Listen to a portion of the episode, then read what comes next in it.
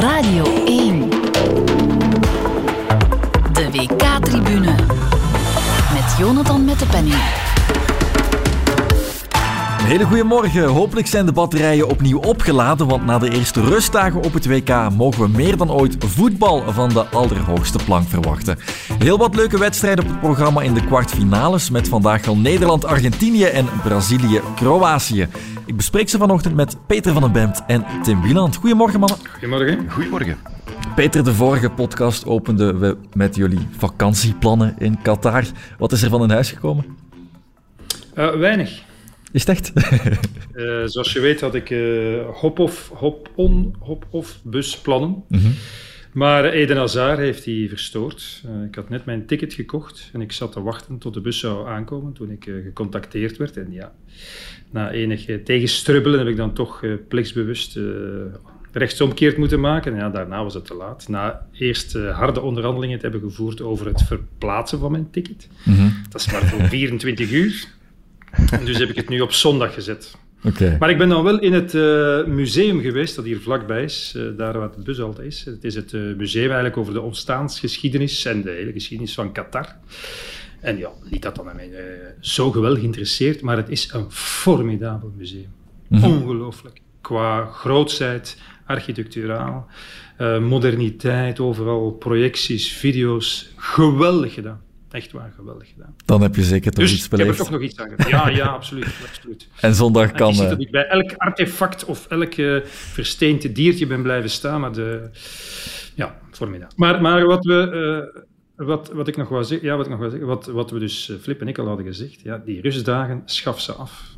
Ja? Je komt in een soort... Ja, ik, uh, ineens voel je de vermoeidheid. Mm -hmm. Dat is het probleem eigenlijk. Je, ik denk, ja, het adrenaline-niveau zakt, neem ik aan. Mm -hmm. Waardoor je ineens uh, ja, uh, ongelooflijk moe. Ik ben gisteren om, denk om tien uur plaatselijke tijd hier in mijn bed gekropen. Waardoor ik natuurlijk om vier uur al wakker was. Dat was ah, ja. mensen, maar... Zo gaat het. Dus tijd dat we er weer aan beginnen. Tijd dat het voetbal terugkomt. Tim, heb jij de rustdagen overleefd? Ik zag veel mensen op sociale media toch ook een beetje smeken naar een streepje voetbal. Een streepje voetbal is, is nooit mis. Hè. Dat is, uh, de, op, op een of andere manier uh, snap ik vooral Peter, omdat hij elke dag je opladen voor zo'n wedstrijden. Als er dan eindelijk eens een rustdag komt, uh, dat, dan wil je daar ook eens van genieten. Uh, dan komt er nog eens iets bij, zoals à la Hazard. Dat, dat kom ik dan niet tegen, gelukkig. Dus uh, ik mocht gerust genieten van mijn uh, vrije dag. maar het begint al wel te kriebelen. Dus, en vooral dan de affiches. Brazilië komt, uh, komt eraan. Uh, Nederland, Argentinië vind ik een, een geweldige affiche. Dus uh, ik, ik kijk er wel al sinds gisteren naar uit. Dat zeker. Ja, en het is vandaag dus weer zover. Brazilië, Kroatië mag de ontnuchteringsverschijnselingen dus tegengaan. En dat is meteen jouw match, Peter. De ploeg die heel aanvallend en fluxvoetbal speelt tegen de ploeg van de laatste acht, die dat misschien wel het minst doet. Ja, ik vrees een beetje voor Kroatië, eerlijk gezegd. Uh, ze hebben nog eens verlengingen nodig gehad. Uh, ze hebben voor mij, op mij vooral indruk gemaakt in dat half uur tegen Canada. Toen ik dacht van, ja, mai, die kunnen nogal voetballen. En, en uh, eigenlijk ook nog wel een deel de eerste helft tegen de Belgen. toen ze toch in slaagden om die wedstrijd eigenlijk simpel te controleren. Maar goed, tegen Japan had het ook anders kunnen lopen, vind ik. en... en ze komen heel erg moeilijk tot kansen, we hebben het er al over gehad. Uh, voorin missen ze toch uh, Mandzukic, mm. die, die in alle stilte toch een zeer belangrijke pion was. En ik vraag mij af of ze het allemaal nog gaan kunnen belopen krijgen. Het was toch zeer opmerkelijk dat, uh, dat de coach uh, en, en Kovac, Kovacic was het zeker, ja, en, en Modric verving tijdens de verlengingen. Ja, dat is niet omdat hij niet geloofde in hun kwaliteiten natuurlijk. Dus dat geeft aan dat ze misschien wel aan het einde van hun Latijn waren. En de wedstrijden volgen elkaar heel erg snel op. Mm -hmm. Dus ik, ik vrees er een beetje voor, eerlijk gezegd. Aan de andere kant kijk ik natuurlijk wel uit naar het duel tussen, ja, ik denk toch unaniem uitgeroepen tot de beste centrale verdediger van dit toernooi, Guardiol. -hmm. En de aanvallende, en de aanvallende wilde bij, bij Brazilië. Ja, dat is natuurlijk toch nog wel een, een geweldige clash uh, waar ik naar uitkijk. Maar ik denk alles bij elkaar dat, uh, dat Brazilië het toch voor elkaar gaat krijgen. Ook omdat, omdat Kroatië geen tempo in zijn tegenaanvallen kan leggen, als je begrijpt wat ik bedoel. Het is allemaal ja. -hmm. een gelijkmatig tempo. En ze zijn geweldig aan de bal, hè. dat is gebleven. Als ze mm -hmm. beginnen rondtikken op de middenstrook, formidabel. Nog altijd, hè. nog altijd de lust voor het oog.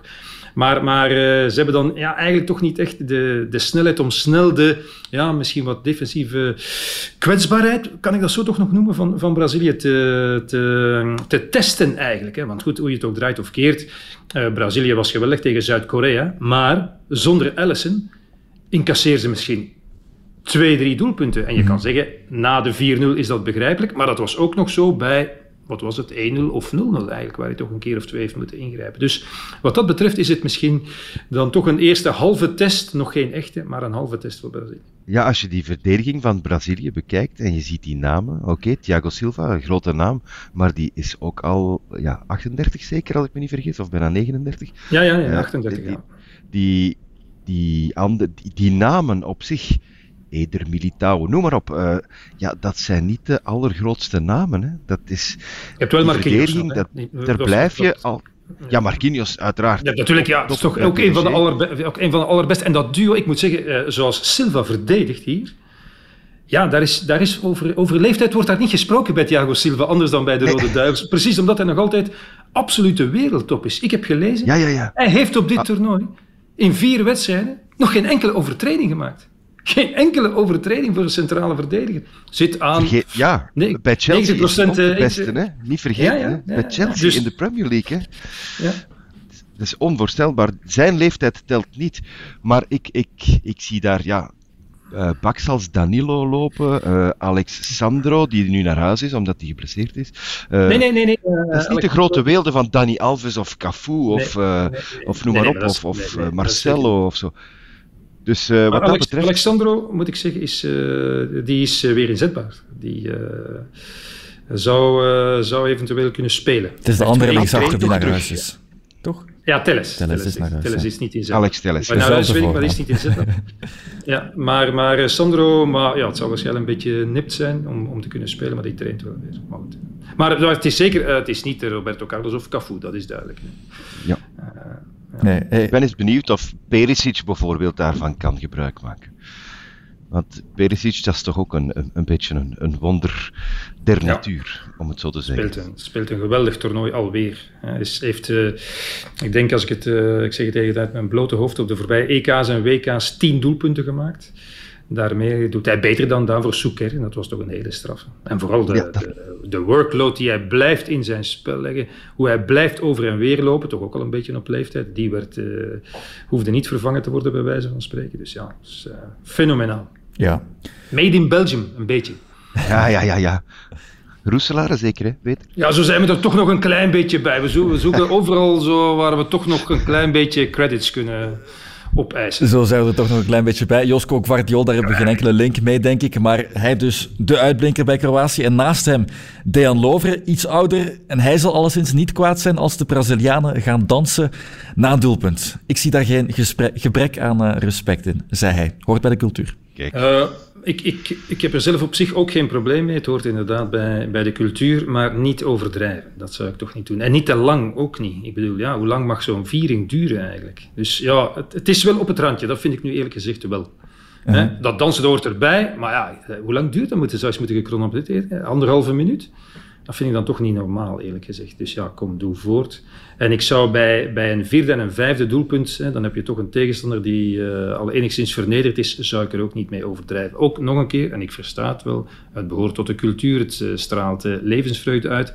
Maar ik kan je wel even eraan herinneren, de Duitsers, die hebben niet gedanst bij de eerste, de tweede, de derde, de vierde, de vijfde, de zevende doelpunt in, uh, in Belo Horizonte. Wat zou dat dan geweest? Wat zouden de Brazilianen daarvan gevonden hebben? Als die Duitsers weliswaar wat stroever en uh, wat, wat meer met de beentjes in de hoogte zouden bestaan dansen. Ik weet niet of ze dat dan zo prettig zouden hebben gevonden. Ja, ik weet niet of ze dat prettig zouden hebben gevonden, eerlijk gezegd. Ik, uh, zie Altijd een beetje wel empathie voor de verliezende tegenstander kan geen kwaad. Nee, inderdaad. Hoeveel dansjes verwachten jullie vanavond?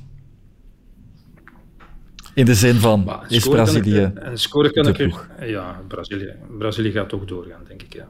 Enfin, dat, ja, dat is ook wat ik uh, het liefst wil, met alle sympathie voor, uh, voor de Kroaten. Uh, maar maar Perisic, we hebben eigenlijk een betere ploeg dan vier jaar geleden. Dat vind ik nu eerlijk gezegd niet. Mm -hmm. En het is ook altijd, toch ook altijd close geweest, ook vier jaar geleden. En ze werden beter naarmate ze eh, in het toernooi uh, opschoven, ik vond. Ik vond dat ze geweldig weer hebben geboden aan de Fransen in de finale. Hè? En, en, waar de Fransen eigenlijk de wedstrijdomstandigheden mee hadden. Maar dat, daartoe zie ik dit Kroatië op dit moment niet in staat. Mm Nee, ik denk ook uh, een simpele Braziliaanse zege. Oké. Maar dat is gokken natuurlijk. Hè. Dat is gokken natuurlijk. Altijd zoals hij loopt. Hè. Ja. De andere kwartfinale dan, dat is op zich de mooiere affiche, ook omwille van de geschiedenis. Nederland-Argentinië. Wat is jullie favoriete Nederland-Argentinië? Vlug voor de raap. Goh, dat is een goeie. Goeie vraag.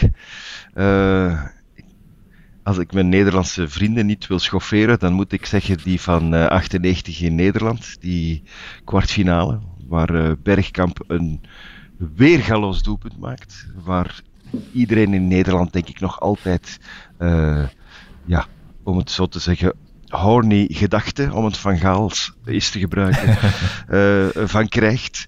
Uh, als hij dat doelpunt, de aanname, na aanname op de, op de paas van uh, de lange bal van, van, van de Boer en dan de afwerking van, van Bergkamp, was fenomenaal doelpunt. maar ja, die, alles, al, al die wedstrijden, behalve die van 2014, ik weet niet of dat Peter die wedstrijd toen gedaan heeft, dat was een draag. Helemaal tot aan het einde heb ik ja, dat is... Dat is... Die heeft er drie dagen geduurd in mijn geest. Een medaille voor zelfopoffering. Een verschrikking was dat. Verschrikking. En dat was ja, dan dat daags nadat ik eerst uh, uh, Brazilië-Duitsland uh, had gedaan. Hoewel die wedstrijd natuurlijk na een half uur was die ook afgelopen. Maar ja, dan maakte je wel iets mee natuurlijk. Waarvan je wist van, dit maak ik in de volgende 200 jaar niet meer mee. Brazilië in eigen huis, gedeclasseerd in de halve finale tegen Duitsland. En dan voor dan daar. Nee, dat was een verschrikking. Maar mijn favoriet is uh, 78, de finale van het WK. Ja. Het eerste WK dat ik eigenlijk echt uh, uh, bewust heb meegemaakt. Mm -hmm. staat nog altijd op mijn netvlies gebrand. En al die blauw-witte papiersnippers die naar beneden vlogen. En ja, mijn grote held Mario Kempes. die, dan, die dan de grote man was op dat toernooi. En natuurlijk, ik was nog te jong om er alle negatieve dingen bij te denken. Hè. Uh, het was even fout als, als uh, vandaag de dag hier in Qatar natuurlijk door de dictatuur van Fidel. Maar ja, dat is voor mij toch een wonderlijke belevenis. Was het zo in zwart-wit op de tv. Dat was formidabel. Denk ja, toch dat was de eerste wedstrijd waar ik voor mocht opblijven, Peter. Als, ja, ja, van mijn vader. Die zei, ja kom, blijf maar kijken. Ik was nog veel te jong natuurlijk eigenlijk om, uh, om die wat, wedstrijd te bekijken. Maar ik mocht toen als, als jongetje ook in de zetel zitten en kijken naar de wedstrijd. De finale van het WK. Ja. en ja, als, als, Ren, als Rensenbrink niet op de paal trapt, daar zullen ze nu nog altijd uh, nachtmerries van hebben in Nederland, denk ik. Ja, de wedstrijd van 2014, dat is dus natuurlijk de recentste. In de halve finale toen op het WK. Op VI was er gisteren een artikel, een spoedcursus Messi afstoppen met Ron Vlaar. De verrassende man die dat natuurlijk heel goed uh, deed toen. Messi heeft een andere rol nu. Zou Van Gaal bijvoorbeeld ja. iemand op het middenveld opofferen om hem te neutraliseren?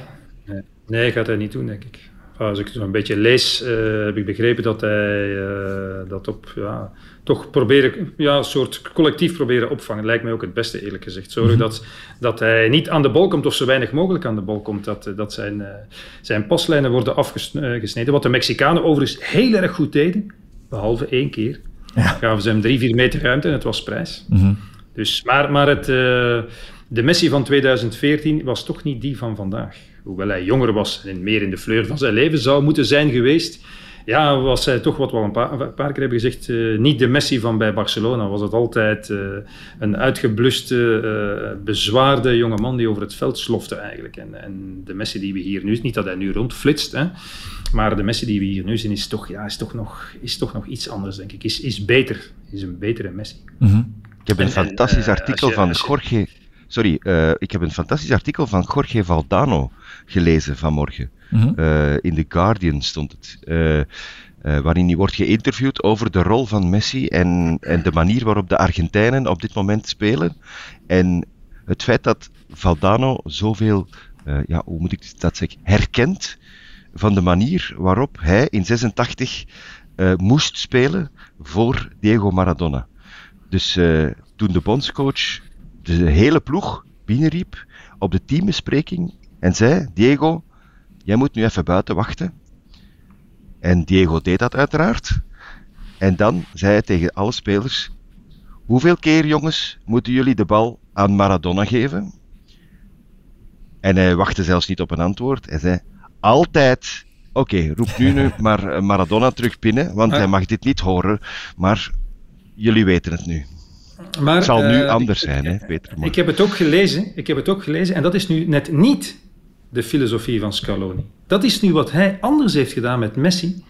Hij heeft eerst toen hij gekomen is ehm, met Messi gesproken en gezegd: Kijk, hè, want er was, ja, het was natuurlijk een onverwachte aanstelling. Hè, ze hadden anderen verwacht. Het was toch een soort nobody die, die kwam.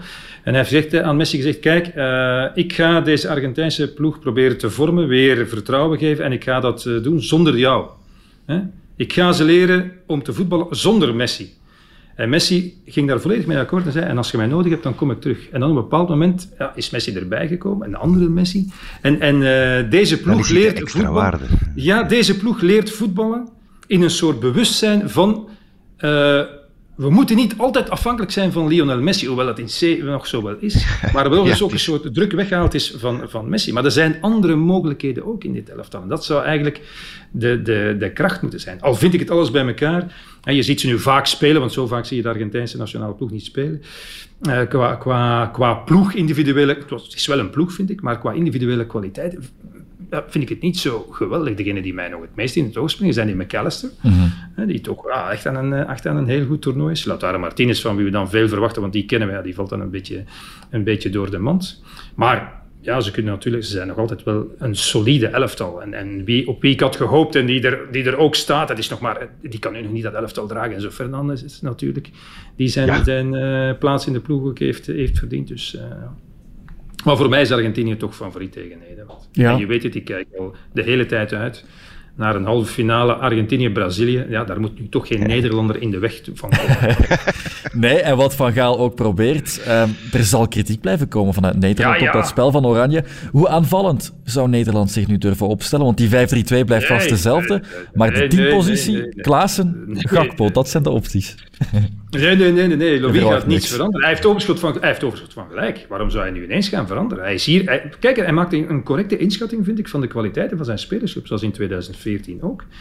En als Louis morgen een elftal krijgt, een fenomenaal elftal, dan doet hij gewoon wat hij vroeger deed, namelijk offensief vooruit 4-3-3 als het nodig is. Maar, eh, maar hij gaat nu niet veranderen, eh, niet ineens wat, wat gewerkt heeft en wat volgens hem eh, goed is.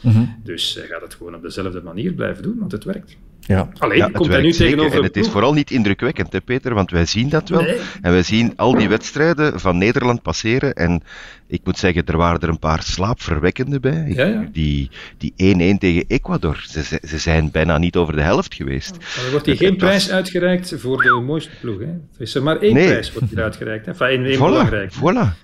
Het is, Dus een, het is eh, een tikje cynisch. Nederlanders zijn dat niet gewoon. Het is, eh, het is eh, resultaatvoetbal. Maar ik vind het wel prettig en tegelijkertijd heb ik er wel bewondering voor hoe die Nederlanders maar blijven zagen eigenlijk daarover. De media, de media en de mensen. Dus allee, ik vind dat wel iets hebben zo. Van ja, maar zeg, oké, kwartfinale, maar ja, het is, we spelen niet goed. dus ja, daar eh, hoor ik geen Marokkaan over klagen hoor. Absoluut niet.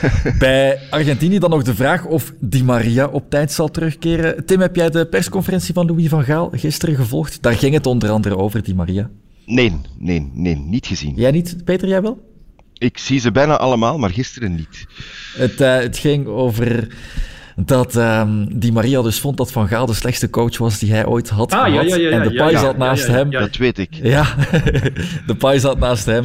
En ehm, Van Gaal vertelde, ja, de Pai zat ook bij mij, die, die was eh, wel ongeveer tevreden.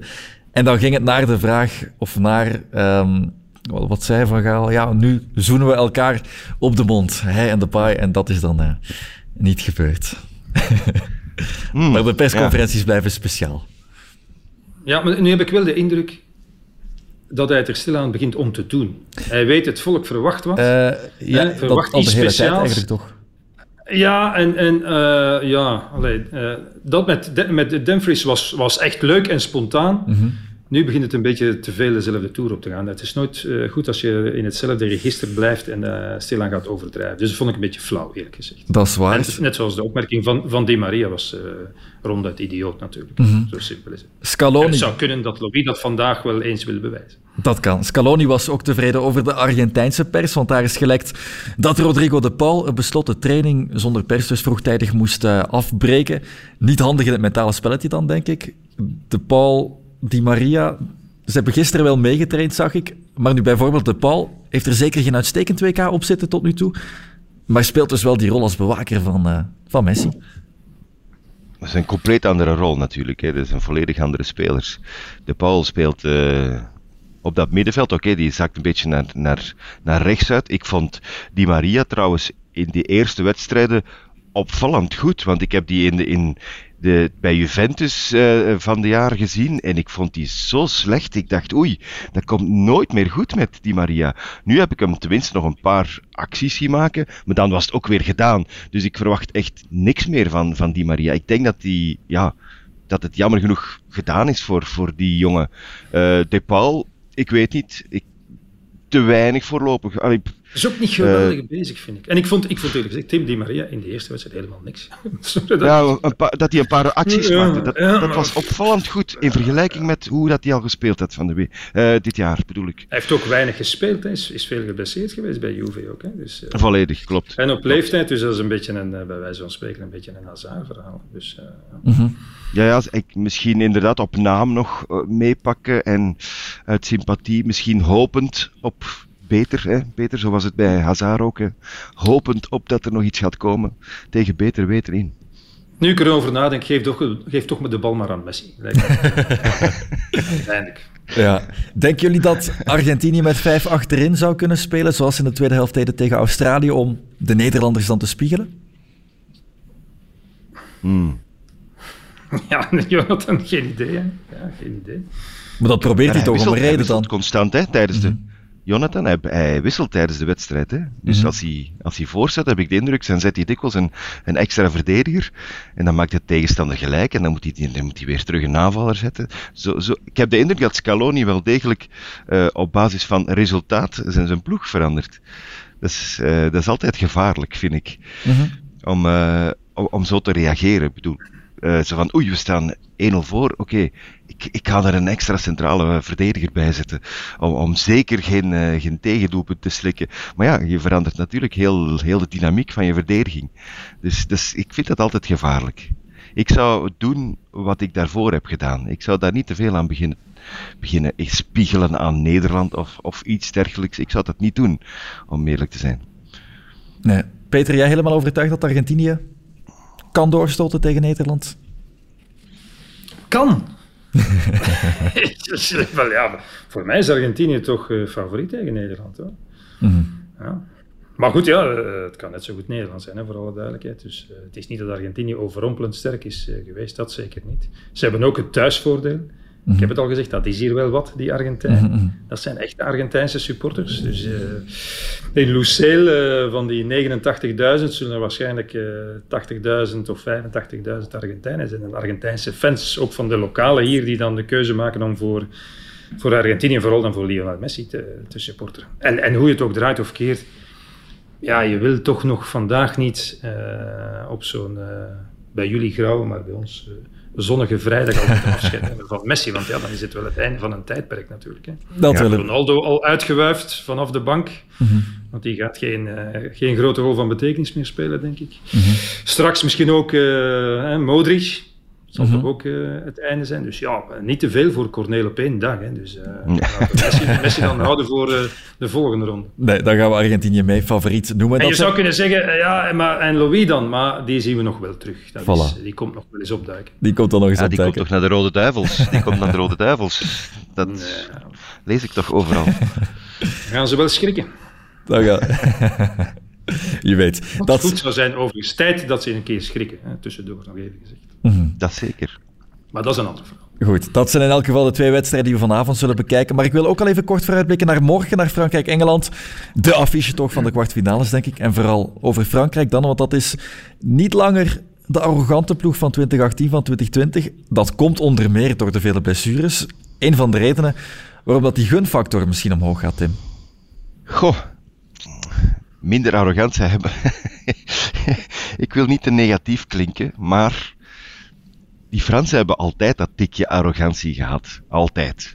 Als, uh, als ik terugdenk aan mensen uit het verleden, Thierry Henry bijvoorbeeld, die had ook dat tikje arrogantie. Hij doet me trouwens Mbappé bijvoorbeeld doet me denken soms aan, aan Harry. Maar dat zijn geweldige voetballers. Fantastische voetballers. Uh, alleen, tegenwoordig, die ego's, ik, allee, ze worden maar groter en groter. En ze botsen dan ook nog. Uh, en als ik dan lees, uh, wanneer was het, een jaar geleden zeker, op het EK toen ze uitgeschakeld werden, uh, dat mama Rabiot aan het ruzie maken was met, met papa en mama van Mbappé en, en wat is het allemaal. ja, en dan Giroud die, die, die zeurt dat hij geen goede voorzetten krijgt, omdat ze ja, tegen Zwitserland verliezen. Daar kwam het eigenlijk op neer. Ja, ja. Het, het, is, het is een potje dat altijd dreigt over te koken op zijn Frans. Ze kunnen daar goed koken natuurlijk. Uh, maar nu is alles rustig gebleven. Deschamps heeft dat eigenlijk vrij goed gedaan. Hij heeft inderdaad, hij is gediend door de omstandigheden. Griezmann bijvoorbeeld speelt een veel uh, minder geprofileerde rol, ik zal het zo zeggen, maar wel zeer goed in een dienende rol. Zeer goed. Uh, de Pogba is er niet bij, bijvoorbeeld. Dat is ook iemand die, die durft roeren in dat potje. Uh, dus hij is wel gediend, maar het, het lukt wel. Alleen, ja, natuurlijk, Mbappé is, is, is een factor die, ja, Engeland zegt het zelf, we zijn er al twee jaar mee bezig met een wedstrijd tegen Mbappé. Ja, ja, eh, alles Hoe dat we daarop moeten verdedigen. Mm -hmm. Dus ja. Peter, jij hebt het hier ook wel eens... Fenomenaal, want Peter heeft de wedstrijd gedaan. Ja. Ik, heb, ik moest zijn, zijn commentaar uh, daar, daarop zetten. Die twee doelpunten van Mbappé en die... Fenomenaal, hè. Mm -hmm. hoe, hoe hij trapt. Eerst hij eigenlijk niet meer in de match zat. Dat was het gekke. Hij zat eigenlijk niet meer in de match. Zo, ja, het was zo precies of hij er even genoeg van had. Zo. Maar ja dan, ja. kan je dat nog doen. Maar ik vind de manier waarop Deschamps uh, is omgegaan met de situatie van grote klasse getuigd. Dan ben je een absolute toptrainer. Mm -hmm. En voortdurend onder vuur liggend ook, slechte ja. resultaten uh, gehaald. En, en het hart van het middenveld, eigenlijk het, het, het brein en de longen, eruit uh, verdwenen met Pogba, Kanté. Uh, Benzema valt dan uit. Uh, verdedigend de ene na de andere nog. Dus, en de manier waarop hij daarmee is omgegaan, vind ik fenomenaal. En dat zou misschien wel eens, hè, wat jij ook uh, een beetje aangeeft, Tim, de, de, grote kracht kunnen zijn van dit Frankrijk. Dat ze al die tegenslagen hebben omgezet in een soort energie en samenhorigheid. waardoor, waardoor het elftal weer uitstekend gaat presteren. En dat hebben we toch al, we hebben het al aangehaald, ook al vaker gezien in dienst van het Franse nationale elftal onder Deschamps. Um, uh, doen spelers dan toch andere dingen dan ze bij hun club doen. Hè? Die Rabiot was nog zo balorig dat hij niet op de reservelijst wilde staan voor 2018. Is dan lang weg Just. geweest. Ja, kijk nu maar eens voetbal in het shirt van, uh, van Frankrijk. Dus uh, Giroud. Ja, het zou kunnen, maar ik, ik, vind dat te, ik vind dat te gemakkelijk gezegd. Het zou kunnen dat het uitvallen van Benzema dan misschien nog een zegen is geweest voor Frankrijk. Ja, allez, ik vind het altijd een beetje raar om te zeggen maar ja, die Giroud past daar nu eenmaal goed bij. Hè. Mbappé en Giroud hebben hun, hun veten of oneenigheid van, eh, van anderhalf jaar geleden dan bijgelegd. Dus, uh, maar maar uh, de Fransen zijn wel op hun hoede voor Engeland natuurlijk. Voor de kwaliteiten die Engeland onmiskenbaar ook heeft. Dus, uh. mm -hmm. ja. Ik denk dat, dat het nog altijd Frankrijk zal zijn, maar... Ja, ja pas toch maar op. Ik, ik bedoel, ik, ik heb ook een ik heb een hele goede vibe uh, wat betreft het, het, het, Engelse nationale team. Dus uh, waar Southgate ook uh, gigantisch veel kritiek krijgt. Ja, ja. Die, die man die heeft ook vier jaar geleden de halve finales gehaald. Die is nu weer uh, in de kwartfinales uh, zonder enig probleem, om het zo te zeggen. Uh, ik vind het systeem dat hij speelt, oké, okay, hij moet moeilijke keuzes maken, maar, maar hij, hij doet het altijd met een dubbele pivot. Hij heeft dat op het EK gedaan, heeft hem naar de finale gebracht. Toen nog met, met Philips. Nu heeft hij daar met Bellingham een, een oerkracht, een, een fantastische speler. Die Jude Bellingham voor, voor uh, zijn leeftijd zeker. Uh, die ook nog eens aanvallend kan zijn. Dat is iets anders dan Philips. Uh, met die buitenkanten waar hij de opties heeft. Hè, Saka, Foden, Rashford, noem maar op. En hij moet er keuzes in maken. Kane zet hij natuurlijk altijd. Maar Engeland heeft wel degelijk de wapens om Frankrijk heel veel pijn te doen achterin. Want ik weet het niet, Konaté, Upamecano, goed, maar ik wil het nog wel eens zien. En die backs ook. Dan vind ik op dit moment goed, maar Koundé is toch uh, een beetje een uh, risicopatiënt gebleken. Ja, Koundé zal tegen is, uh, of is, Foden of op, Rashford komen. Op een zijspoor, ja. dus... Ja. Mm -hmm.